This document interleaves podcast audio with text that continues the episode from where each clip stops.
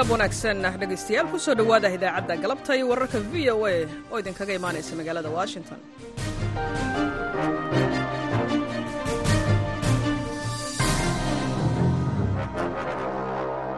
Waa galabnimo axad ah bisha febraayo ee sannadka kana waa siddeed iyo toban.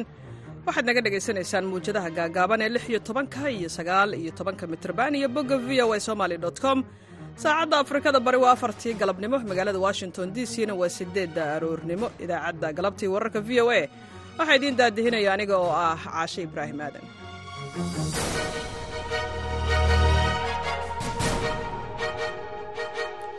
Qodobada aad ku dhegaysan doontaan idaacadda galabta iyo wararka v o na waxaa ka mid ah golaha wakiilada ee somalilan oo ansixiyey xeerka doorashooyinka. Waxaan leeyahay qabyadii doorashada way dhammaatay doorashadiina way qabsoomaysaa maadaama xeerkiirkeedii ay dhammaadeen. Qabyooyinka kale harsan waxaa ugu muhiimsan in guddiga doorashooyinka qaranka oo iyaduna waajib ku tahay inay waajibkooda gutaan soona saaraan jadwalkii iyo liiskii kama dambaystahaa ee doorashooyinka. Waxaa kale oo aad dhegaysan doontaan warbixin ku saabsan tahriibinta dhallinyarada oo ku soo badanaysa xeryaha qaxootiga ee dhadhaab maalin kasto isbuuciiba saddex jeer laba jeera waxaa la maqlayaa hebel baa maqan hebel baa maqan. Intaa shan cun ka maqantahay intaa ka maqantahay qaar waa laga soo duwaay waa muuqada waa la hayaa. Qaar saddex jeer afar jeera wajeer iyo waxaa laga soo celiyay gaarisa ee meelahan xataa uu ka mid yahay mid aan ila dhashay in miingi laga soo celiyo. Laba oo reefe xataa in meeshii sheeg lagu sheegayay liibiya. Qodobadaasi iyo warar kale ayaad ku maqli doontaan idaacadda galabta iyo wararka v o a. Intaasoo dhan waxaa ka soo horreeya warka caalamka oo aan idiin akhriyo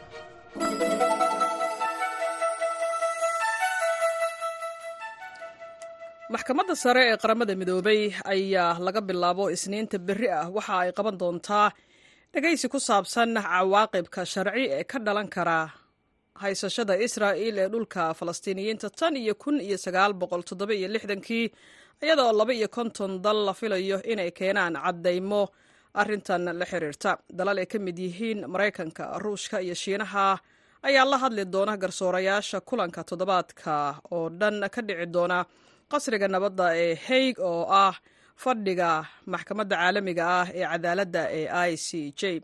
Bishii diseembar ee sannadkii kii ayaa golaha guud ee qaramada midoobay. Waxa uu maxkamadda i c j ka dalbaday in ay aragti sharci ah oo aysan qasab ahayn fulinteeda ka bixiso sida hadalka loo dhigay cawaaqibka sharci ee ka dhalanaya siyaasadaha iyo dhaqamada israa'il ee haysashada dhulka falastiin oo ay ku jirto bariga qudus inkastoo ra'yi kasta oo ay i c g ka soo saarto arrintan uu yahay mid aysan khasab ahayn fulintiisa ayaa haddana dhegaysigani waxa uu ku soo beegmaya iyada oo ay sii kordhayaan cadaadiska sharciga ee caalamiga ah ee ay israa'il wajahayso dagaalkeeda khaza oo ay kaga jawaabayso weerarkii bishii oktoobar ee sannadkii la soo dhaafay ay xamaas ku qaaday. Dhegaysiga ayaa ah mid gaar ka ah oo aan qusaynin kayska aadka u culus ee ay maxkamadda geysay. Koonfur afrika oo ay israa'il ku eedeysay in ay ku kacday ficilo xasuuq ah intii ay waday duulaankeeda magaalada khaza ugu yaraan afar askari oo boolis ah ayaa ku dhaawacmay saacadihii hore ee axaddan maanta ah kadib markii kooxo iska soo horjeeda oo eritreyaan ah ay ku dagaalameen gudaha magaalada the haig iyaga oo gubay baabuur boolisa islamarkaana tuurayay dhagxaan. Cutubyo ka tirsan booliska sida gaarka u tababaran ayaa sunta dadka ka ilmaysiisa waxa ay ku fureen dibadbaxayaasha kuwaas oo ay boolisku sheegeen inay ahaayeen kooxo taageersan dowladda eritreya iyo kuwo ka soo horjeeda oo ka qaybgalayay shir ka dhacayay. Magaalada haig booliska ayaa sheegay in isniintii raalli ahaada. Booliska waxa ay sheegeen in intii rabshadahaasi ay socdeen dhagxaan iyo agabyo kale lagu tuuray ciidamada booliska iyo kuwa dabdamiska. Dhowr qof oo rabshadahaasi ka qayb galay ayaa waxa ay haysteen hub.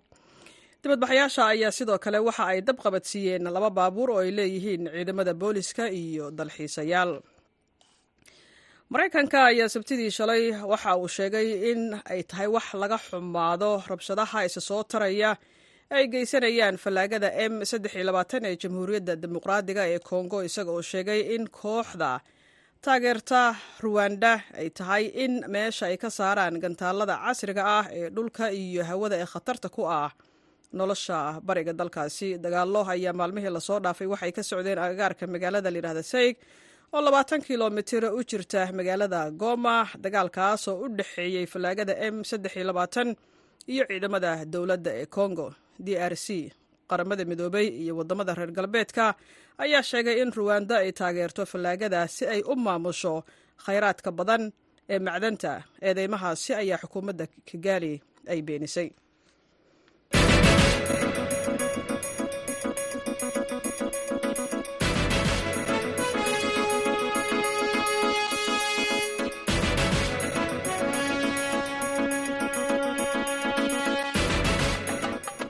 kale ayaan galab axada oo wanaagsan. Hawada idinka leenahay meel kastood naga maqlaysaan. Madaxa xisbiga mucaaradka wadani ee gobolka awdal ayaa ku baaqay in xorriyaddooda loo soo celiyo amaba maxkamad la soo taago dhallinyaro loo xiray arrin la xiriirta bannaanbax looga soo horjeeday is-afgaradkii etoobiya iyo somalilan oo bishii hore ka dhacay magaalada boorame mas'uuliyiinta amniga ayaan weli ka jawaabin. Baaqan ka soo yaray mas'uulkaasi warbixintanna waxaa soo diray wariyaha v o e da haashim sheekh cumar good. Cabdiqaadir jaamac hami wuxuu ka mid yahay waalidiinta dhalay dhallinyaro ciidamada ammaanku u xidheen bannaanbixii ka dhacay magaalada boorama bilowgii janawari ee lagu diidanaa heshiiskii is-afgarad ee ku saabsanaa badda ee adisababa ku dhex maray ra'iisul wasaaraha etoobiya abiy axmed iyo madaxweynaha somalilan muuse biixi cabdi cabdiqaadir isaga oo ku sugan magaalada baki ayaa wuxuu la soo xidhiidhay idaacadda v o a wuxuuna u sheegay in gabadh uu dhalay iyo dhallinyaro la xidhan. Aan la horgeyn maxkamadaha islamarkaasina aan lagu caddayn eedaha loo haysto. Waxaan ka mid ahay waalidiinta carruurtooda koob iyo tobankii bishii janawari ee sanadkan laba kun afar iyo labaatanka. Lagu xidhay magaalada boorama waxaana si deg dega loogu dhaadhiciyey jeelka dhexe ee magaalada boorama markaa aniga inantaydu waxay ka soo baxday jaamicadda alfa ee boorama ku taalla mas'uuliyiintii gobolku markaan u tagnay looma sheegin haba yaraatee wax dembiyo carruurtaasi ay faraha kula jireen. Wax alla wax loo haysto oo ay noo sheegeen oo cad ilaa imika ma garanayno maxkamad lama horkeenin. Hataa inay maxkamad keenaan waan ka codsanay oo arrintaasi jawaab cad nagama isiinin. Anigoo kale iminka waxaan deganahay magaalada baki sidii qareen loogu tegi lahaa waxaa ka hormartay in mas'uuliyiinta gobolka lagu noqnoqdo iyaguna noo harag jiidaan oo ay war cadna siin waayaan. Gabadhaada ma maalintii bannaanbaxu dhacay ayaa la qabtay mise maalmihii ka dambeeyaa la qabtay? Walaal maalinta banaanbuxu dhacay iyadu waxayba ku jirtay jaamicadda alfa laakiin maalinta la qabtay waa maalintii khamiista ee koob iyo tobankii janawari maalintaana wax mudaharaada oo haba yaraatee ka jiray ma jirin magaalada boorama wax ka dhacay iyo wax mudaharaada iyo wax rabshada oo ka jira ma jirin waxay ka soo baxday jaamicadda inantaydu waxayna u socotay gurigii ay deganayd oo ay ku hoyanaysay waxbarashay inantaydu ku jirtay way xanuunsan tahay in faraha laga qaado. Haddii eed loo haystana in maxkamad horteed la keeno oo eedeeda lagu caddeeyo intaasaan ka codsanaya.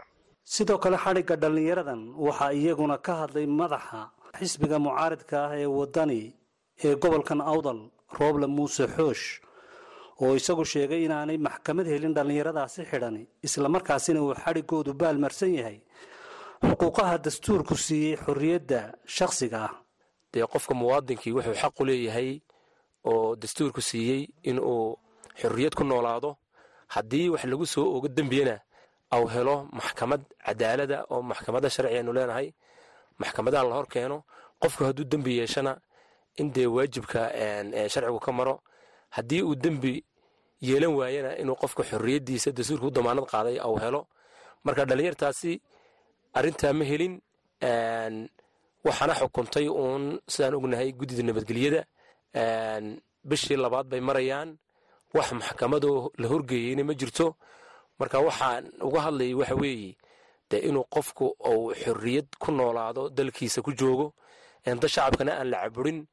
Marka cid kastoo ku shaqale waxaan uga faa'idaysanayaa cidda ku shaqale ee maxkamaduna inay arrintan baadhaan mas'uuliyiinta guddoomiyaha gobolka ugu sarreeyo laamaha ammaankana inay de dadka waddadii sharciga mariyaan. Waa arrin aanu cambaaraynayno haddaan xisbiga waddani nahay ee gobolka awdal. Waa arrin cadaaladana ka fog run ahaantii bermadownainaga oo aad u dhibaato ugu ah shuruucdeenna iyo dowladnimadeenna marka ururada xuquuqul insaanka iyo cid kastaba waxaan leeyahay way waxay ku jiraan xabsiyaday ku jiraan. Wax cadaalado helena ma jiraan cadaalad inay helaan baanu ku baaqaynaayoon dhanka kale mar aan la xidhiidhna mas'uuliyiinta gobolka awdal iyo madaxda laamaha ammaanka oo aan wax ka weydiinay sababaha dhallinyaradaasi loo horgeyn waayo garsoorka ayay ka gaabsadeen inay ka hadlaan kiiska dhallinyarada. Haashim sheekh cumar good v o a boorama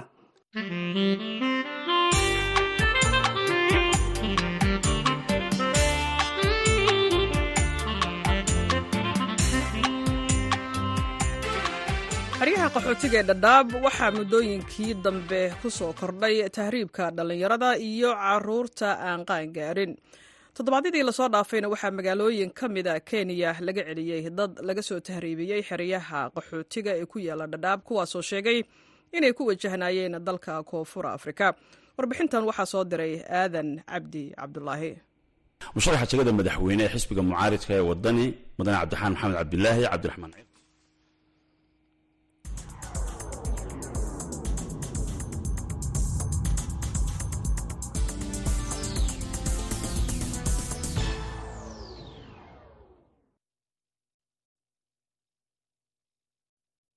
inkastoo aanay jirin xog tirikoob ah oo muujinaysa xaddiga tirada rasmiga ah ee isugu jira dhallinyarada iyo carruurta aan qaan gaarin ee ka tahriibtay guud ahaan xeryaha qaxootiga dhadhaab. Haddana muddooyinkii ugu dambeeyey waxaa qaxootiga aad ugu soo badanayay walaaca waalidiinta iyo hoggaanka xeryuhu ay ka muujinayaan falalka tahriibka la xidhiira ee ay dhallinyarada ku dhaqaaqeen.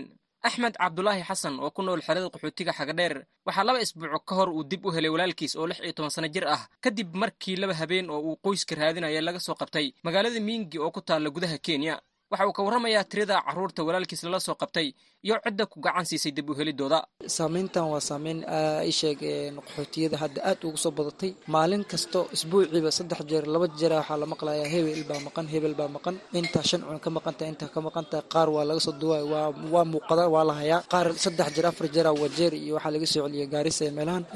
Xataa uu ka mid yahay mid aan ila dhashay in miingi laga soo celiyo. Maxaa la dhahaya isheeg kuwo xataa laba oo reefe xataa in meeshii lagu sheegayay libiya ilaa xataa kuwo wajar laga soo celiyay ilaa sideed cunug hal mar wajar laga soo celiyey kuwo miingi laga soo kuwo gaarisa korkada laga soo celiyey marka xog ahaan la isku daro ani ahaantay intaan xaqiijin karo waa labaatan. Markii ka soo wareegtay laba habeen markii ka soo wareegtay anigana aan daba taagan aan raadinayno meel kasto aan sameynay in isheeg track lagu sameeyo baan waxaa lagu soo ogaaday in uu miingi uu sii maraayay. Xataa xogtiis intaas ka markii ugu dambeysana waa helnay. Abubakar sheekh xuseen oo ah guddoomiye ku-xigeenka xerada qaxootiga xagadheer ayaa sheegay in xeryaha aanay horay u soo marin. Carruur tahriibaya balse muddooyinkii dambe ay arrintan noqotay mid ku soo korortay qaxootiga wuxuuna intaasi ku daray in walaac badan iyo culays weyn ay arrinkan ku beertay waalidiinta iyo hoggaanka xeryaha. Walaal waa jirtaa arrimahaas waa arrimo cusub oo nagu soo kordhay. Kaamkan kama jiri jirin ama kaamamka dhanba kama jirin. Caruur tahriibayso ama in intii maskaxda laga xado wadamo kale iyo meelo halis a loo qaado ma jiri jirin. Laakiin yow bilahan dambe broblem aad u weyn baa ku soo kordhay. Hadda intaasoo carruur hadda aan kula hadlaya way maqan yihiin madax furashaa loo haaso waddamada magafaha iyo meelaha dadka lagu qabsaday ay galeen. Marka balaayo wax u sheegtay iyo ma aragta ay iska raacaan ma waynayaan. Marniba arrintaa caqabad fara badan iyo walaac fara badan bay ku haysaa dadka kaamka ku nool kaamamka waalidiinta khaasatan dadku waa dad danyara. Abubakar waxa uu mar kale sheegay in tahriibka dhallinyarada iyo carruurta kaamamka qaxootiga dhadhaab uu hadda ku socda si xawli ah. Tiri badan oo carruurta qaxootiga ka mid ahna ay gacanta u galeen kooxa dul dhigay lacaga madax furasho ah sida uu hadalkiisa u dhigay cunugii intuu inta ka cararo oo meelahan maskaxda iyo balaaya lagu shubo lala tagoba markii la geeyo libiya iyo wadamo fogfog baa loo soo diraya. Waxaa la leeyahay cunugaad halkaasuu jooga dhowr iyo toban kun shan iyo toban kun oo dollar keen. Waalidkii markaa unu waasho ama maskaxda dhiig ku dhufto ama bataanida ka dhaco waa aad bay arrintaas halis loogu jiraa waana arrima nagu soo kordhay waana arrin taagan oo waa hadda xawli bay ku socotaa qaar baa suudaan lagu hayo oo dhaxaan laga soo qabtay. Qaar baa hadda meelaha nairobi iyo meelahan lagu hayo. Qaar baa liibiyada lagu haaso oo khatar ku jiro. Kuwa kale ayagoo qalqaalashan iyo balaaya waa la qabtay. Wax macnaha laga sheekeen karo laba iyo saddex iyo ma aha waa tirooyin waaye waa xaddaaf marka arrimahaas aad baan uga walacsanahay walaalow. Cumar xuseen yarow oo ka mid ah odayaasha iyo waxgaradka xerada xagadheer ayaa v o eeda u sheegay in kol hore xeryuhu ay ka bilowdeen carruurta sida iskood ah uu tahriibayo balse hadda ay soo korortay xaalad cusub oo carruurtii laga dhaadhicinaya in nolol wanaagsan loo abuuri doona. Cumar waxa uu intaasi ku daray in carruurta qaarkood oo laga watay xeryaha ilaa iyo haatan aanan la garanaynin meel ay ku dhibceen sida uu sheegay.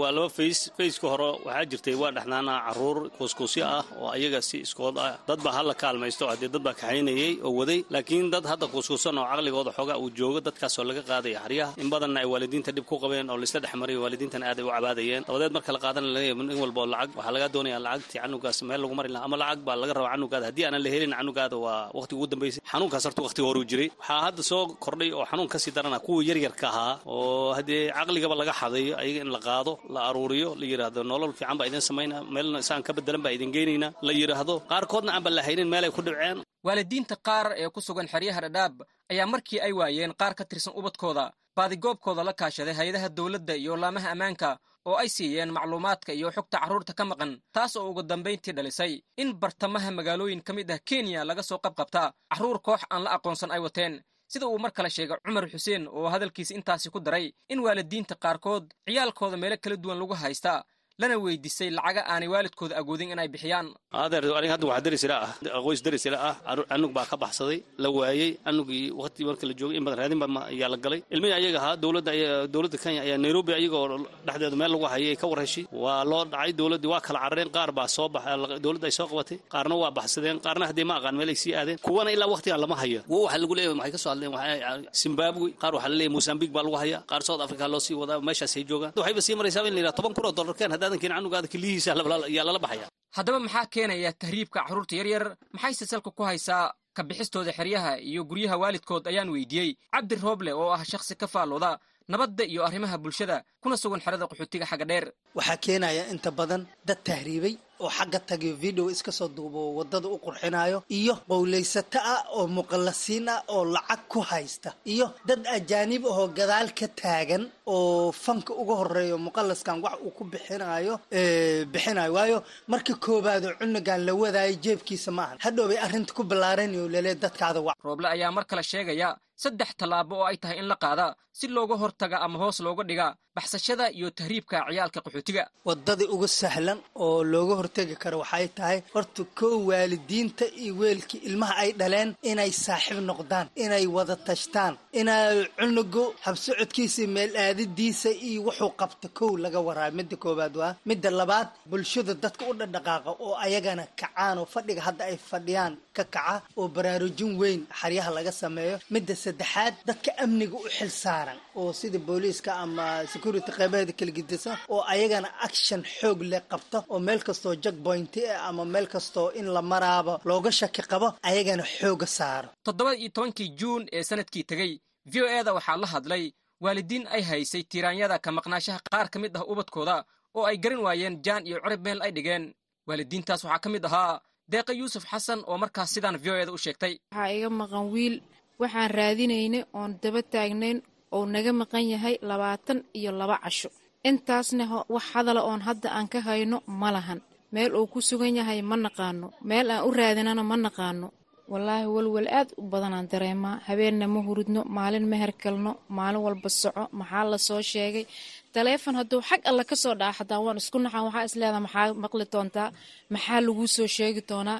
Maxaa kuu yeeri doono ma nololaad ku maqli doontaa ma keeriyaad ku maqli doontaa walwalku wax yar oo la soo koobi kara ma ahan. Wiilka deeqa yuusuf iyo tiri kale oo carruur ah waxay markii dambe galeen dalka koonfur afrika laakiin cadar cabdulle oo iyadana lix iyo tobankii juun nala hadashay markaas oo ay baadigoobaysa wiil ay dhashay oo ka tahriibay ayaa wiilkeeda dib ka heshay kaas oo laga qabtay meel u dhexaysa dalalka koonfur afrika iyo kenya waxaana laga tuuray magaalada muqdisho ee caasimadda dalka soomaaliya inkastoo markii dambe dib looga soo celiyey xeryaha qaxootiga dhadhaab aadan cabdi cabdulaahi v o e xeryaha dhadhaab aad ii u yahay aadan weli waxaad degeysanaysaan tabinta iyada galabta iyo wararka v o a. Si toosa ayay idinkaga imaaneysaa magaalada washington. Waxaad goordhow maqli doontaan fadhi ay golaha wakiilada somalilan maanta ay yeesheen oo ay ku ansixiyeen cod aqlabiyad ah xeerarka doorashooyinka iyada oo qaar ka mid ah siyaasiyiinta mucaaradka iyo siyaasiyiin kale ay ka soo horjeesteen.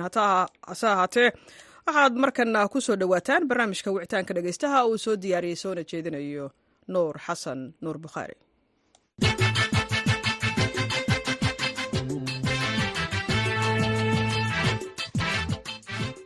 kulanti wanaagsan dhegaystayaal baarlamaanka soomaaliya ayaa maalmahan ka doodayay dib u eegista dastuurka kumeel gaarka ah ee soomaaliya oo shaqadiisu ay muddo dheer soo socotay haddaba maxay tahay muhiimadda xilligan uu dastuurka u leeyahay in baarlamaanka la horgeeyo?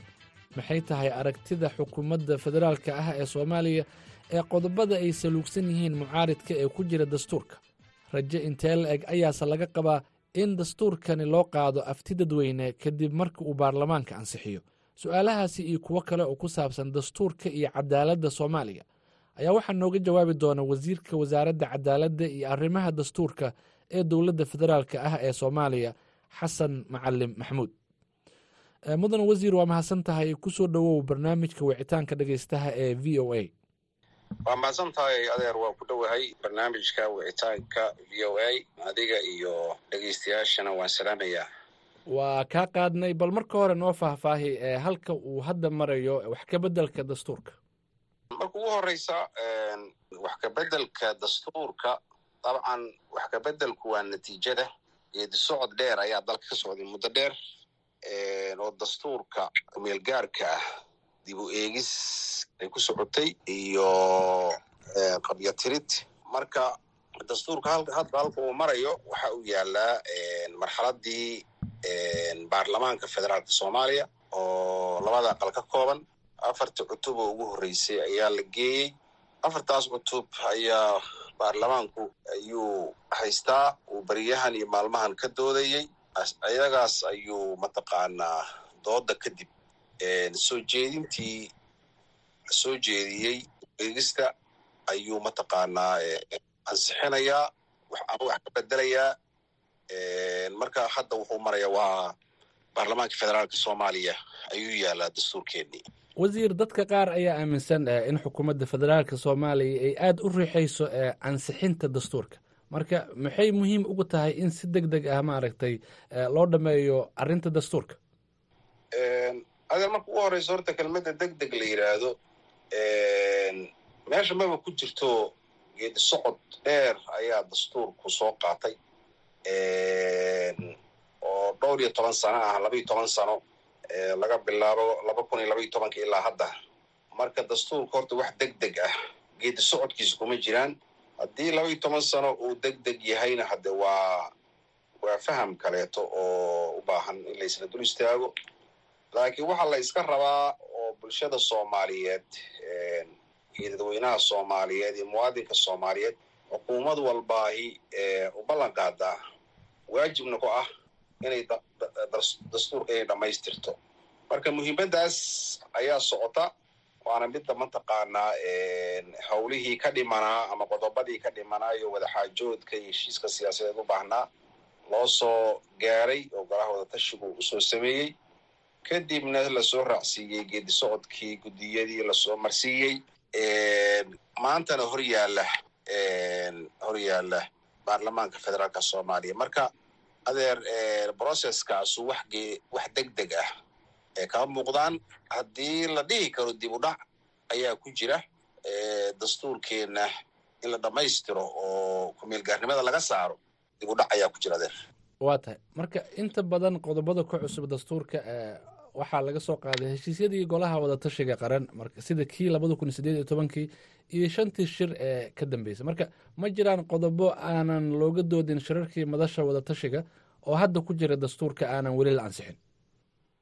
Maya maya adeer kuma jiraan dastuurku horta dib u egistiisu laba qaybood ayuu u qaybiyaa. Qaybna waa qaybo arrimo farsamo ah oo khubarada samayn karta. Waxaa la yidhahda comparative studieska ama daraasaadka isbarbardhigidda dasaatiirta caalamiga ah fiirisa qaybna waa qaybo siyaasiya oo soomaalida u taalla. Iyo madaxdeeda iyo siyaasiyiinteeda siyaasiyiinteeda u yaalla. Marka kuwaasna waa kuwa wadaxaajoodka iyo iyo soo maray. Kuwaas waay kuwa la soo jeediyey wax ka beddelkooda dastuurka dib oegis markii lagu sameeyey. Marka waxaan dhihi karaa ma jirto adeer waa gartay wasiir xasan wasaaradda iyo waa wasaaraddaada iyo xukuumaddaba ma ka fekereen xilligii ay suurtagal noqon doonto in muwaadiniinta soomaalida ay afti u qaadaan dastuurka maadaama uu muhiim uga yahay aayahooda waddanka ama aayaha waddanka. Sidaas hore oon maaragtay dastuurkeennu ma dhammaystirmi doono rasmina ma noqon doono ilaa afti dadweyne.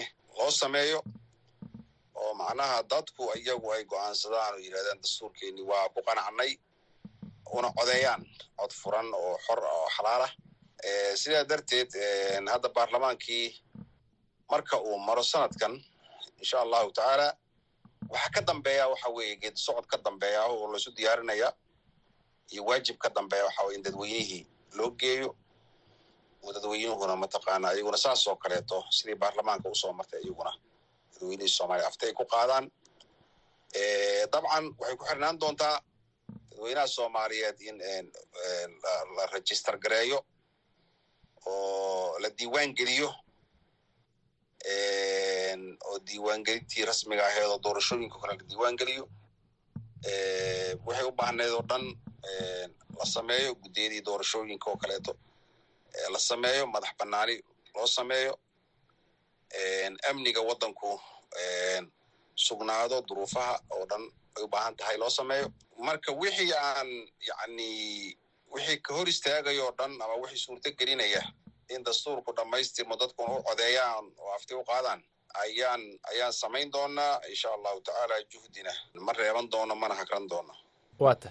Marka puntland waad og tahay oo qeyb kama ahayn shirarkii ugu dambeeyey ee madasha wadatashiga marka haddii dastuurkani uu baarlamaanka ansixiyo sidee ayay dowladda ama xukuumadda federaalka u qanci doontaa puntland hadeer dadaalada ma joogsan doonaan mana nasan doono intii dastuurkani uu qayb soomaalida ka mida ay ka maqan tahay marka haddana odayaal soomaaliyeed iyo waxgarad ayaa ku maqan iyo siyaasiyiin intaba puntland see qayb uga noqon lahayd waana ku rajo weynahay waana ku rajo weynahay siday ugu soo noqon lahayd siday ugu soo noqon lahayd golihii wadatashiga qaranka ay xubinta ka ahayd waa garta heshiisyada golihii wadatashiga qaran waxaa ka soo baxay in jagada ra'iisul wasaaraha la baabi'iyo.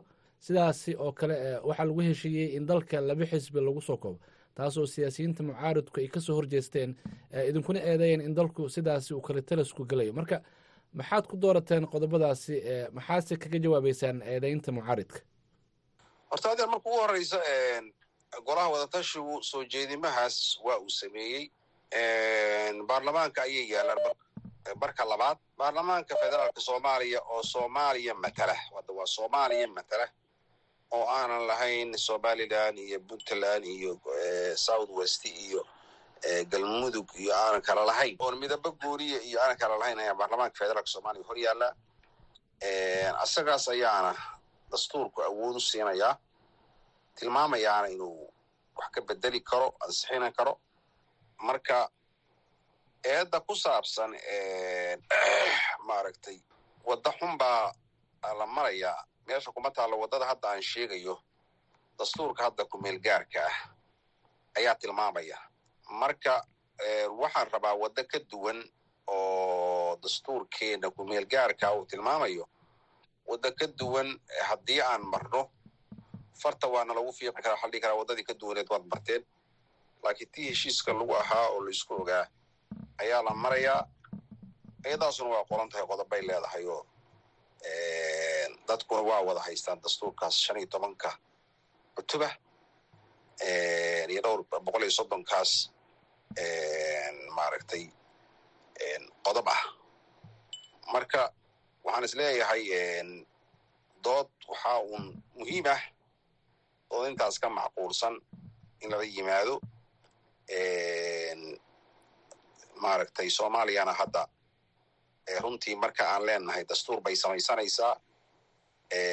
Soo jeedimaha madaxweyne iyo ra'iisul wasaare iyo baarlamaan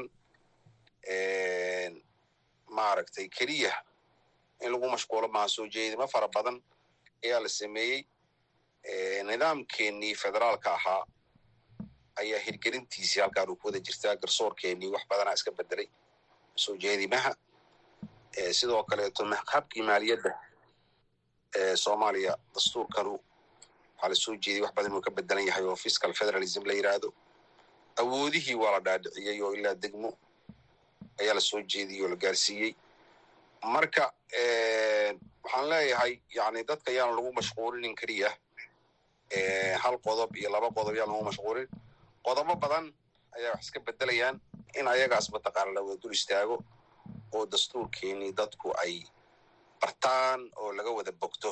Ayaa fiican buuq iyaan lagu abuurin leannahu dastuurku waa masiirkeennii waa masiirkeennii wasiir waxaa waxyaabaha kale ee dooda laga keena waxaa ka mid ah nidaamka aad qaadateen ee doorashada ee liiska xiran dadka ka cabsi qaba arrintani waxa ay leeyihiin waxaa laga yaabaa in aan ku weyno kuraasta aan hadda ku haysano baarlamaanka. Marka arrintaasi soo meesha kama saari karto siyaasaddii loo dhammaa horta sideedaba kursi la waayaa soomaaliya la waaya ma ahan. Anigu baarlamaankii tobanaad waan ku jiray. Baarlamaankii hadda socda kuwii tobnaadna kuma jiro oo kursi sooma aanan helin. Marka ma ahan kursi baan waayey ma ahan in oo soomaaliya kala tegayso kursi haddii la waayo xasan macalinaa weynaya caliyaa weynaya cabdiyaa weynaya laakiin soomaaliya waxma weynin. Soomaaliya horey u socotaa insha allahu tacaala. Waa mahadsan tahay wasiir khadka igu jir dhegeystayaal. Weli waxaad nagala socotaan laanta af soomaaliga ee v o a. Waxaanan ku guda jirnaa barnaamijka wicitaanka dhegeystaha oo uu marti inoogu yahay wasiirka cadaaladda iyo arrimaha dastuurka ee soomaaliya dhanka cadaaladda haddii aan aadno wasiir bal nooga warbixi heerka cadaaladda iyo garsoorka dalka ee xilligan runtii heerka cadaaladda iyo garsoorka soomaaliya horta way soo kabanaysaa. Dowlad dal iyo dowlad burbur ka soo kabanaya. Waaye institutionskeedii ama hay'adaheedii oo dhan way wada burbureen. Marka hadda kabashadaas ayaa lagu socdaa. Wax badan ayaa qabyo naga ah. Dabcan maaragtay annaga wax kasta waxay ka bilowdaan shuruuc. Shuruucdii soomaaliya waxay u baahan tahay sida dastuurka oo kaleeto hadda dib eegista ugu socoto shuruucdeenii duugowday oo baaliyowday oon waktiga la socon karin in dib u eegis lagu sameeyo si ay waktiga ula jaan qaado habka legal systemkeena abqaabkeena yani adduunyadii waa horu martay oo waa digitalized. Soomaaliya intii adduunyada ka maqnayd adduunyadii waa tagtay iyadaasna waxaan rabnaa inaan aan la qabsanno. Qorshayaalna waan ka leenahay. Nidaamkeena cadaaladdu maalin walba waa sii korayaahoo dowladdu waxay sii gaaraysaa markii maanta laga fogaaday muqdisho laga fogaaday ee deegaanadii cusub la xoreeyey.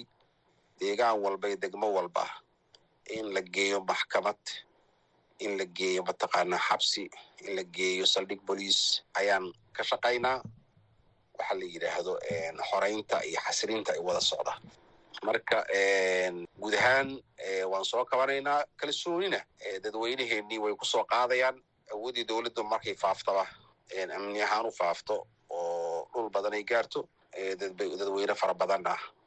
Yacni waxay u soo jeesanayaan garsoorkii inay soomaaliya inay u soo jeestaan oo dowladda awal de waad ogtihiinoo intaana dowladdaanu dhalanin maaragtay meel kasta maxkamad beenaad ay ku lahaayeen cadowgu dowladdu intay maqneed waa ogtahoo qolo walba oo sharci u gooniya iska samaysto isaga dhaqmi jirtay marka runtii marna waa culays iyo waajibaad culus oo dowladda koray marna waa fursado dowladnimadu ku kori karto oo soo laabatay waa hagaag weli barnaamijkeennii ayaan ku guda jirnaa. Haatan aan aadno dowrkii dhegeystayaasha dhegeystaha ugu horreeya ayaan jeclahay inaan soo dhoweeyo walaal ku bilow magacaaga iyo halka aad joogtid.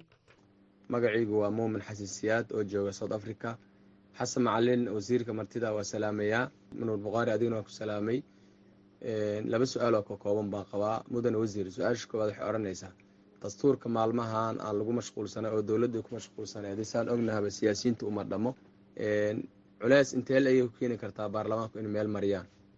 Su'aasha labaad mudane wasiir dhacdooyin waaweyn baa ka dhacay dalka oo ay ugu horeeyaan qoysas isgubay dad si arxan daraan isku dilay oo ilaa haddana wax cadaaladda la keeno ma aragno. Dadkaas cadaalad ma heli doonaan? Adigasta si saahi ku taabanaysaa dadkaas in maarad waa mahadsantihin adeer horta marka ugu horeysa midda haddaan ka jawaabo siyaasiyiinta uma dhamma ku saabsan qaybna waan ka jawaabay qaybta kalena waxaan ku leeyahay horta siyaasigu waa muwaadin. Markay noqoto dastuurka markay noqoto muwaadiniinta soomaaliyeed dhowrka milyana dhowr iyo tobanka milyana horta waa u siman yihiin. Wax oo gooniya oo siyaasiga siinayo siyaasi waxa weeye ninka yani dabcan dee siyaasadda ka shaqeeya u siinay lama arko waxa uu wax siinaya waa la yaqaana waa hay'adahaas dawligahe dhisan iyo ama ha ahaadeen dowlad goboleed ha ahaadaan ama dowladda federaalka ha ahaadaan ama guddiyada ha ahaadaan ama baarlamaanka federaalka soomaaliya ha ahaado labadiisa aqal ayaa iskale. Marka adeer siyaasigu wax gooni ah oo uu ku leeyahay oo muwaadinkaas uga duwan yahay ma qorna mana jiraan. Hadduu intaa ka wax ka badan dalbadaahuna hadde waa qof waxaana jirin dalbaday sidey kuu saamaysaa su'aasha ah? Marka ugu horeysa horta bini aadanaan ahay dadka wax la yeeleeyey gabadha soomaaliyeed ee la gubay ama dadkan la sheegaya maalin walbeeto yani musiibadu ka dul dhacayso. Qof bini aadan ahaan ahay muslim baan ahay mas'uul soomaaliyeed baan ahay aad iyo aad bay ii xanuujinaysaa. Runtii arrintaasuna nasiib wanaag waxay ku soo beegantay xilli ay dowladda soomaaliyeed ilaahay idankiis awood ay u leedahay inay dadkii falalkaas geysta ay mataqaanaa maxkamadda iyo cadaaladda horkeeni karto. Gacan dowlad dheer waa tii la dhihi jiray. Haddaba mataqaanaa waad ogtihiin oo gacanta cadaaladda waxaa ku jira falkaas dadka geystay waa ku jiraan. Qaar kaleoo hadda mataqaanaa lagu maqan yahayna way jiraan.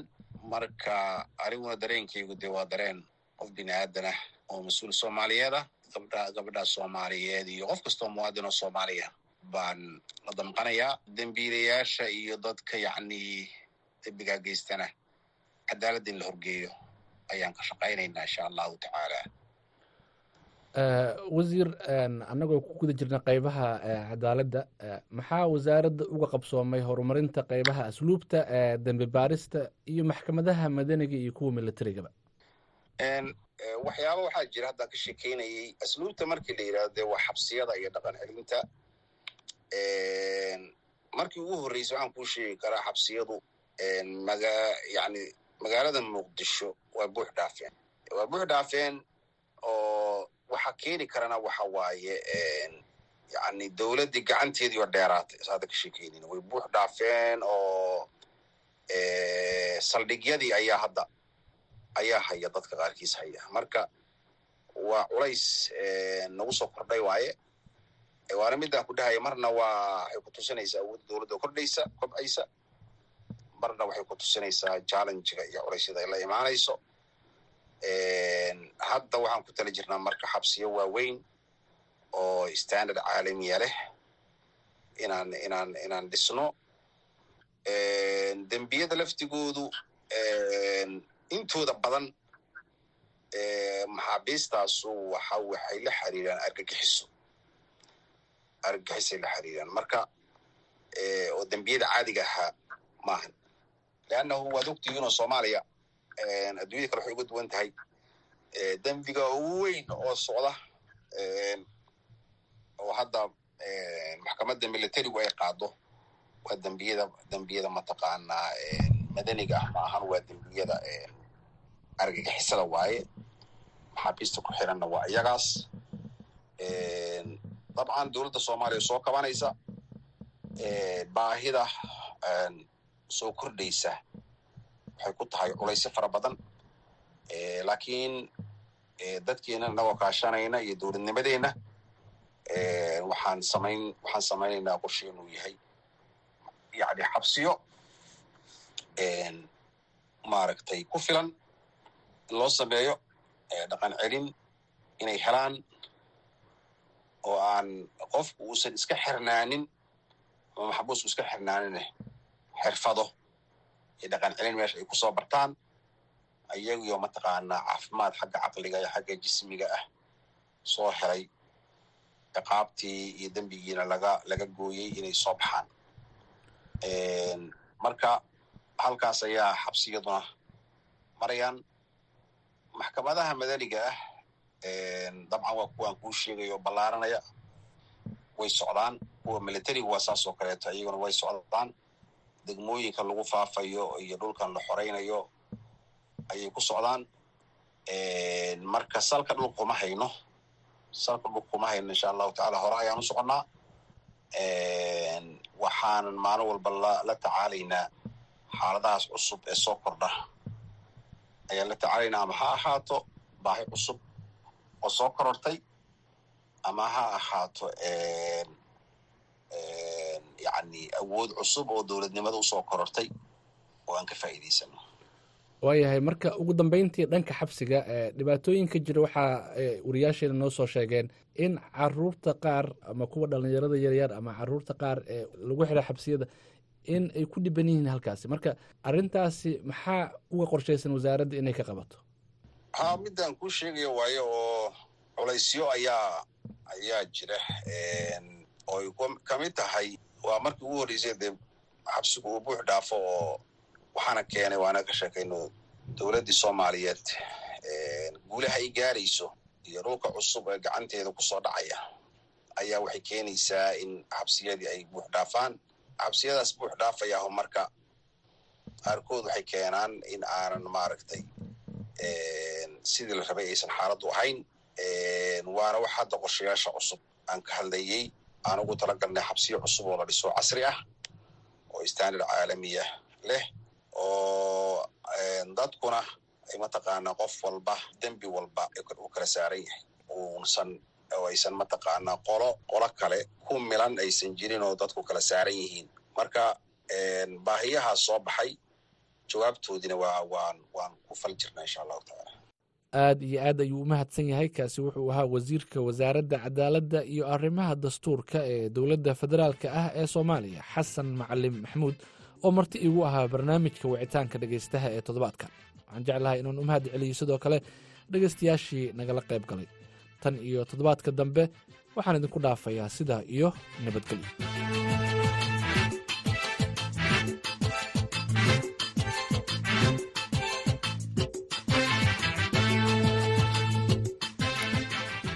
nuur xasan nuur bukhaari ayaa barnaamijka wicitaanka dhegeystaha soo diyaariyey. Soona jeedinaya halkaad kala socoteenna waa laanta afka soomaaliga v o oo si toosa idinkaga imaaneysa magaalada washington fadhigii golaha wakiilada ee somalilan ee maanta ayay mudanayaashu ku ansixiyeen cod aqlabiyad ah xeerka doorashooyinka. Warbixintan waxaa magaalada hargeysa ka diray khadar maxamed cakulle.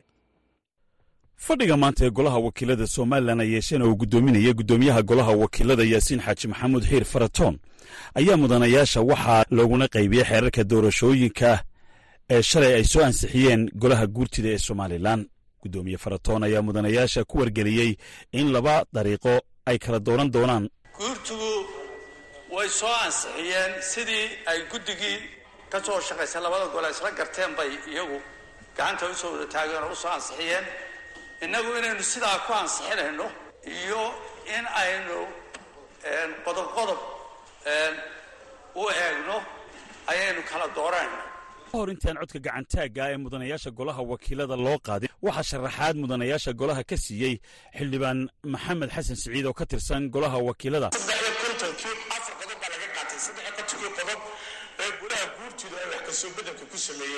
Afartaa qodob waxay kala noqonayaan kow in lagu gelayo doorashada xisbiyada liisanka rasmiga haystaa inay laga tartan doorasho ay ku gelayaan oo tobankii sannadood ka tarjumaysa tii golaha wakiilada la qaatay. Laba in muddada xisbiyadu haddii liisankoogu dhaco iyadoo ay taagan tahay doorashadii madaxtooyaduna ku xigto. Oo doorashada madaxtooyada deetana dib loo dhigo. In muddada liisanka xisbiyaduna muddo kordhinta ay guurtidu sameeyeen ay la kordhayso taana waxaa la qaatay tii golaha wakiilada qodobkii twenty bersankii oo ku salaysnaa qodobka sagaalaad oo aan isku qancinay dastuurka waxaa la ysla qaatay tii golaha wakiilada. Waxay noqotay xeer number fourteen. Xeer number fourteen qodobo badan oo technical ahaa waxaan uga tagnay guurtida qodobada badankoogii.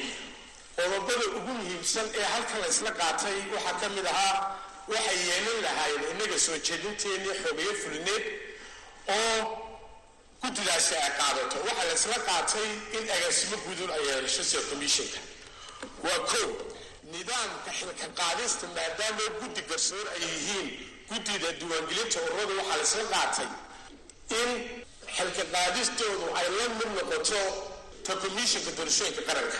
Gudoomiyaha golaha wakiilada yaasiin xaaji maxamuud xiir faratoon ayaa maxamed xasan siciid sharaxaadiisa kadib waxa uu mudanayaasha codgeliyey gacantaaga inta ogol sidii golaha guurtidu ay ku soo gudbiyeen labada xeer in duuduub lagu ansixiyo isagoo guddoomiyaha golaha wakiiladu sheegay in siddeed iyo konton mudane ay oggolaadeen in sidii xeerarkaasi ay golaha guurtidu ku soo meelmariyeen lagu meelmariyo. Halka laba iyo toban xildhibaanna ay u codeeyeen in qodobqodob laysu dul taago shaasi ayaana labadaasi xeer ee doorashooyinku ay golaha wakiilada kaga gudbeen maanta iyadoo loo gudbin doono madaxweynaha somalilan muuse biixi cabdi si waajibkiisa dastuuriga uga guto. Dhinaca kale qaar ka mid a ururada siyaasadda somalilan ayaa ka hadlay ansixinta iyo meelmarinta xeerarkan ee golaha wakiilada saaka iyagoo ku dooday in aanay doorasho aan la isla oggolayn aanay ka dhici doonin somalilan sida uu sheegay cabdilaahi xuseen iimaan dirawal guddoomiyaha urur siyaasadeedka horseed oo isaga iyo urro kaleba shir jaraad ku qabteen magaalada hargeysa. Khadar maxamed cakulle v o e hargeysa. Mahadsanid khadar dhinaca kalena waxaa tallaabada lagu ansixiyey xeerkan doorashada soo dhoweeyey murashaxa jagada madaxweyne ee xisbiga mucaaradka ee wadani cabdiraxmaan maxamed cabdulaahi ciro waxa uuna xafiiskiisa ugu waramay isla waryaheena khadar maxamed cakulle musharaxa jagada madaxweyne ee xisbiga mucaaridka ee wadani mudane cabdiraxmaan maxamed cabdilaahi cabdiraxmaan ciro ayaan uga mahad celinayaa wakhtigiisa ugu horeyn murashax bal haddaad dareenkaaga.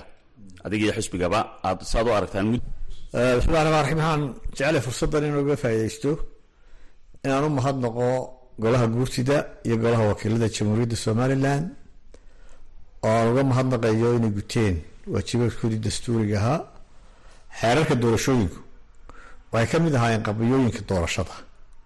Marka maanta waxaa soo afjarmay qabiyadii xeerarka doorashooyinka xeer number ninety one iyo xeer afar iyo toban. Marka god dambe oo lagu galo oo sharci oo harsani maanta ma jiro.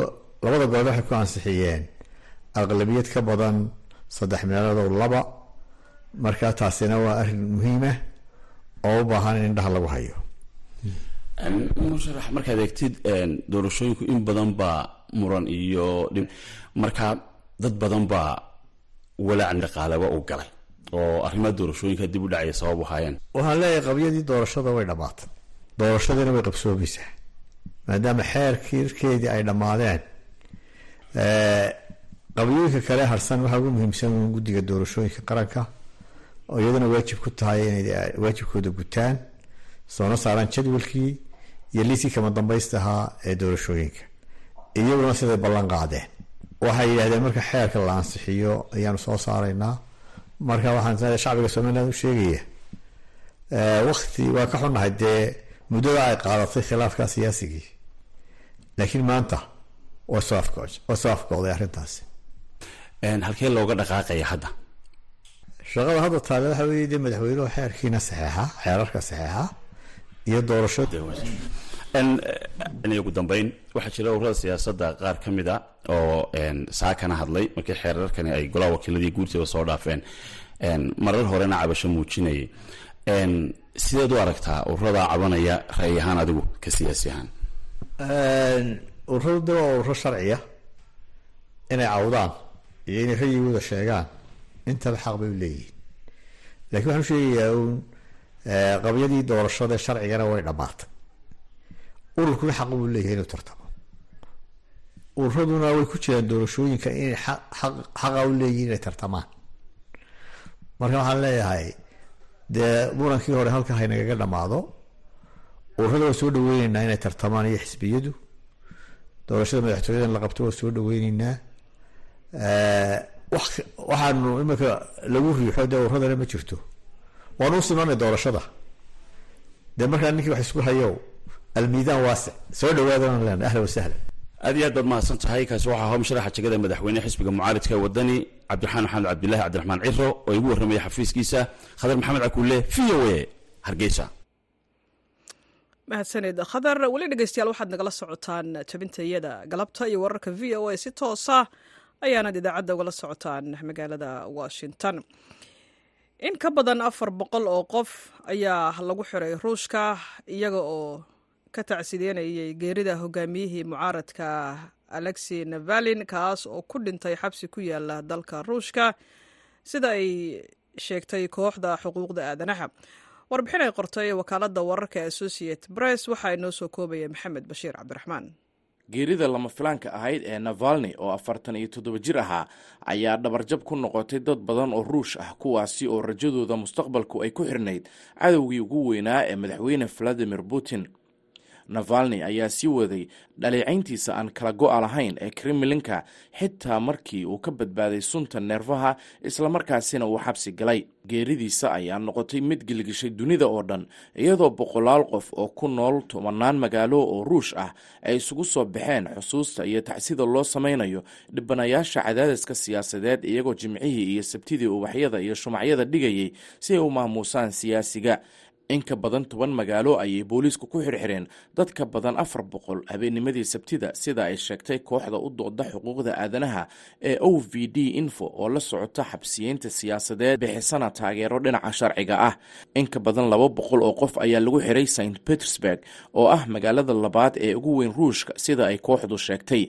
Dadka halkaasi lagu xiray waxaa ka mid ah gregory mikhnof foytinko oo ah wadaad ka tirsan kiniisadda apostolic orthodox oo ah koox diimeed ka madax bannaan kiniisadda orthodoxiska ee ruushka. Wadaadka ayaa baraha bulshada wuxuu kaga dhawaaqay qorshe uu ku doonayo in xus loo sameeyo navalni iyadoo subaxnimadii sabtidii laga xiray bannaanka gurigiisa. Waxaa lagu soo ogay dacwad ah inuu abaabulay isku soo bax waxaana la dhigay xabsi ku yaalla saldhig booliis laakiin markii dambe ayaa cisbitaalka loola cararay kadib markii uu ku dhacay stroke sida ay sheegtay o v d info maxkamadda magaalada st petersburg ayaa waxa ay afartan laba ka mid a dadka la xiray ku amartay in ugu yaraan hal ilaa lix maalmood xabsiga lagu hayo iyadoo sagaal kalena la ganaaxay sida ay sheegtay o v d info. Moskana sida ay sheegtay o v d info ugu yaraan lix qof ayaa lagu xukumay shan iyo toban maalmood oo xabsi ah iyadoo qofna lagu xiray magaalada koonfureed ee karasnador laba qof oo kalena lagu xiray magaalada beryanesk sida ay kooxdu sheegtay geerida navalni ayaa timid bil un ka hor doorashada madaxtinimada ee ka dhici doonta dalka ruushka taasi oo si weyn loo saadaalinayo in madaxweyne valadimir putin uu heli doono lix sano oo kale oo xukunka sii joogo. Su'aalaha la xiriira sababta dhimashada navalni ayaa weli taagan axadda maanta ah mana cadda goorta ay maamulka qoyskiisa u fasixi doonaan inay meydka qaataan. Kooxda navalni ayaa sabtidii sheegtay in siyaasiga la dilay waxayna dowladda ku eedeeyeen inay si ulakac ah ku hor istaagtay in meydka la qaado iyadoo hooyada navalni iyo qareennadiisuba ay heleen macluumaad iskhilaafsan oo ay ka heleen hay'ado kala duwan oo ruush ah kuwaasi oo u raadiyeen in meydka ay ka helaan. Waa ay iska kana daba wareejiyeen waxa ayna daboolayaan raadkooda. Sidaasi waxaa sabtidii tiri afhayeenka navalni kira yarmish wax kasta oo meeshaasi yaalla waxaa hayay kaamirooyinka xabsiga tallaabo kasta oo u qaado sannadahan oo dhan waxaa laga duubayay dhinacyo badan. Shaqaale kasta waxa uu leeyahay kaamirad waxduubta laba maalmood kadib geeridiisa ma jiro hal muuqaal oo la dusiyey ama la daabacay ayuu yidhi leoned folkof oo ah nin aada ugu dhowaa navalni qoraal la siiyey hooyada navalni ayaa lagu sheegay inuu dhintay labadii iyo toddobiyo toban duhurnimo jimcihii sida ay sheegtay yarmiish saraakiisha xabsiga ayaa u sheegay hooyadiis markii ay timid xabsiga sabtidii in wiilkeeda uu u dhintay. Xanuun keenay dhimasho deg deg ah sidaasi waxaa sheegay ivan zadnof oo ah agaasimaha hay'adda ka hortagga musuq maasuqa ee uu navalni aas-aasay hay'adda xabsiyada federaalka ah ee ruushka ayaa sheegtay in navalni uu dareemay xanuun kadib socod uu galay jimcihii kadibna uu miir daboolmay isagoo ku sugnaa xabsiga ciqaabta ee magaalada khab ee gobolka yamalo nenestes oo qiyaastii kun iyo sagaal oo kilomitir waqooyi bari ka xiga caasimadda moscow. Waxa ay hay'addu sheegtay in ambalaas ay timid laakiin navalni ayay xilligaasi naftu ka baxday waxaana intaasi ay hay'addu ku dartay in sababta geeridiisa aan weli la go'aamin. Navalni ayaa xabsi ku jiray tan iyo janaayo labadii kun iyo koob iyo labaatankii oo uu ku laabtay moscow kadib markii uu ka bogsaday oo jarmalka looga daweeyey sumayn lagu eedeeyey inuu kremlanku ka dambeeyey tan iyo markii xabsiga loo taxaabay ayaa ilaa saddex jeer lagu riday xukun xabsi ah iyadoo lagu eedeeyey dhowr eedo ah oo navalni ku gacan sayray kuna tilmaamay kuwa siyaasadaysan.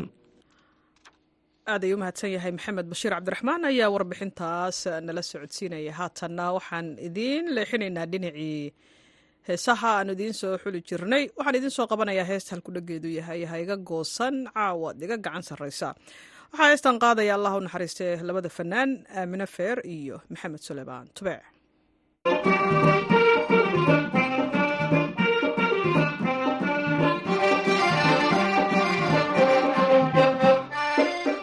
ruuxii gaaxsha godolkii soomaaliya sidan anigu ku galay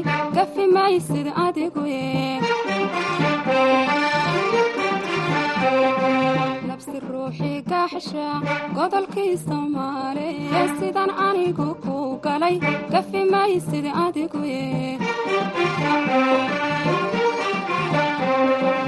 argudashadaaduna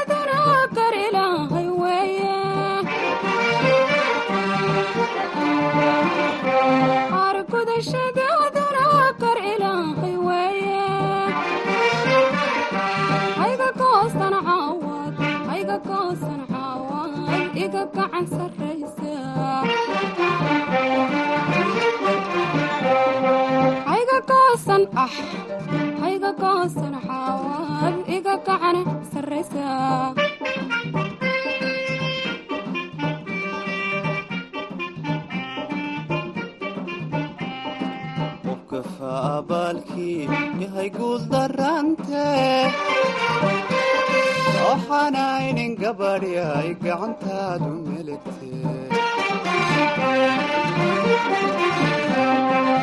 qofka faabaalkii yahay guul darante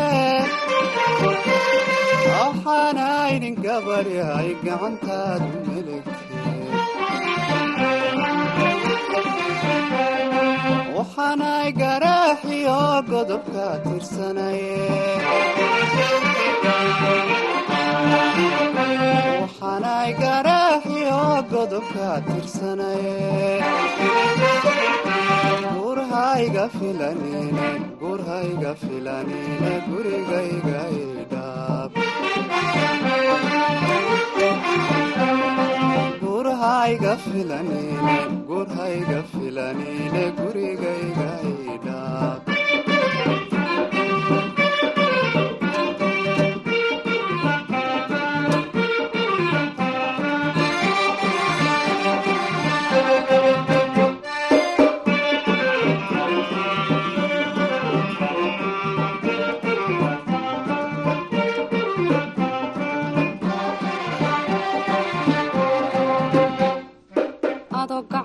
soo biday waataan ku gawdhasheen ku garwaaqsan waayeen kaa taagatay gacantee adoo gacale i soo biday waataan ku gawdhasheen ku garwaaqsan waayeen kaa taagatay gacantee waxaan anigu gaystaa goobta i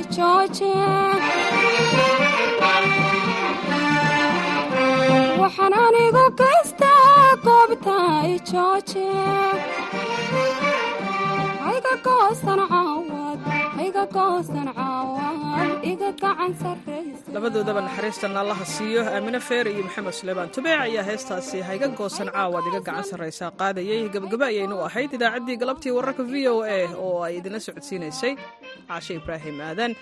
Dhinaca farsamada waxaa joogay maxamed cabdi xasan sandheere intaan mar kale hawda ku soo noqonayno haddii alla idma dhammaanteen waxaan idin leenahay nabadgelyo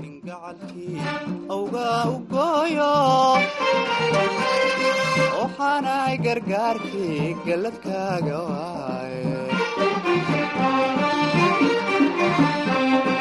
waxaan ahaynin gacalkii awgaa u gooyo. Waxaanay gargaarkii galladkaaga waaye. Waxaanay gondoodiyo gocosha u dambayse waxaanay gandoodiyo gocosha u dambayse. Gurhayga filanine